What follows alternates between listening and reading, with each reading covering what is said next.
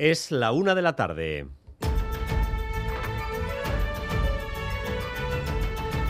Crónica de Euskadi con Dani Álvarez. A Rachaldeón, las cifras que deja el Tour en nuestro país y las que ha exportado hacia afuera son verdaderamente mareantes. En las dos primeras etapas, más de 600.000 personas han visto la carrera en la calle y más de 3 millones de espectadores la han visto cada día por televisión. La fanzone de Bilbao batió además el récord de asistencia a una carpa de este tipo en un Tour de Francia. Probablemente la palabra éxito se quede corta porque se han batido incluso las propias marcas de la carrera. El maillot amarillo es, por tanto, para la afición vasca.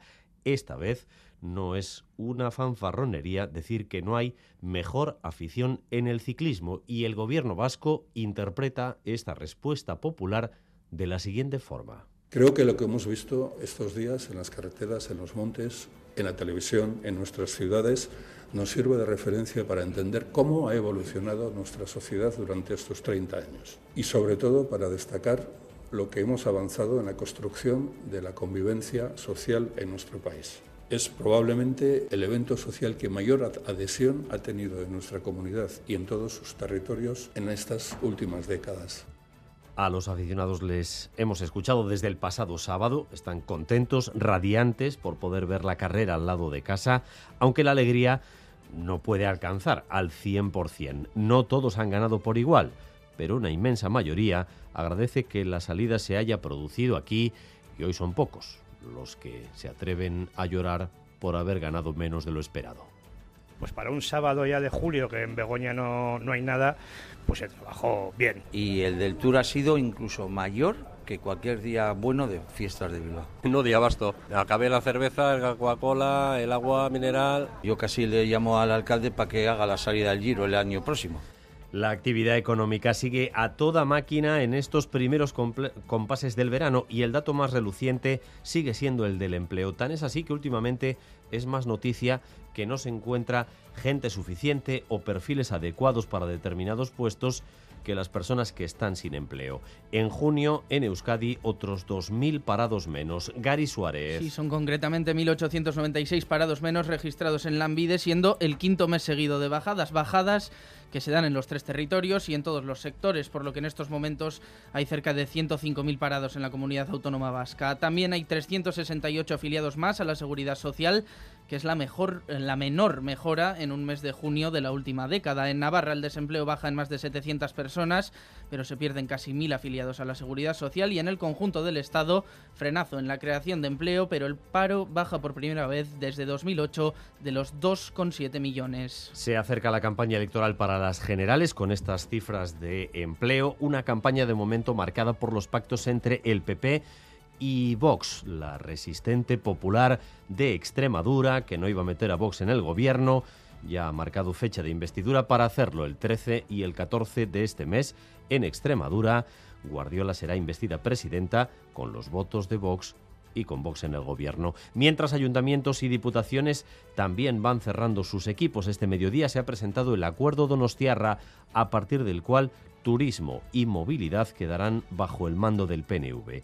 Estos días también ha sido muy comentada la decisión de la nueva alcaldesa de Durango de subirse el sueldo 30.000 euros para equipararlo a su salario anterior a ser alcaldesa. Antonio Ortuzar esta mañana en Boulevard justificaba esta decisión de la siguiente forma. ¿Podemos pedirle a gente que vaya a las instituciones perdiendo dinero respecto del sueldo que cobra? Y además no poniéndose cada uno el sueldo que quiere. Hay unas tablas que están aprobadas en la Asociación de Municipios Vascos. ¿Para qué denostamos a la política? ¿Qué pasa? ¿Que los de Bildu no son políticos?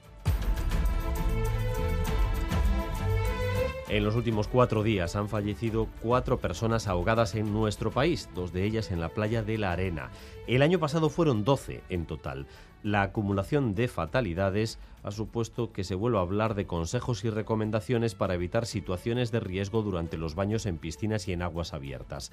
Por ejemplo, cuando nos coja una corriente, lo recomendable es dejarnos llevar. Eder Carrero. Sí, con esta pauta básica evitamos hacer grandes esfuerzos y nadar en vano contra las peligrosas corrientes que se producen en la mar o en otros medios acuáticos. Es importante la formación inciden los expertos para posibles rescates o para lograr encontrar escapes en estas situaciones para flotar y salvarte de una desgracia en el agua. Prevención ante el desconocimiento es clave. Se debe también observar e informarse acerca del terreno en caso de querer bañarse en la zona. Otra de las claves por ello es tener respeto a la mar, pero según profesionales se cometen muchas imprudencias.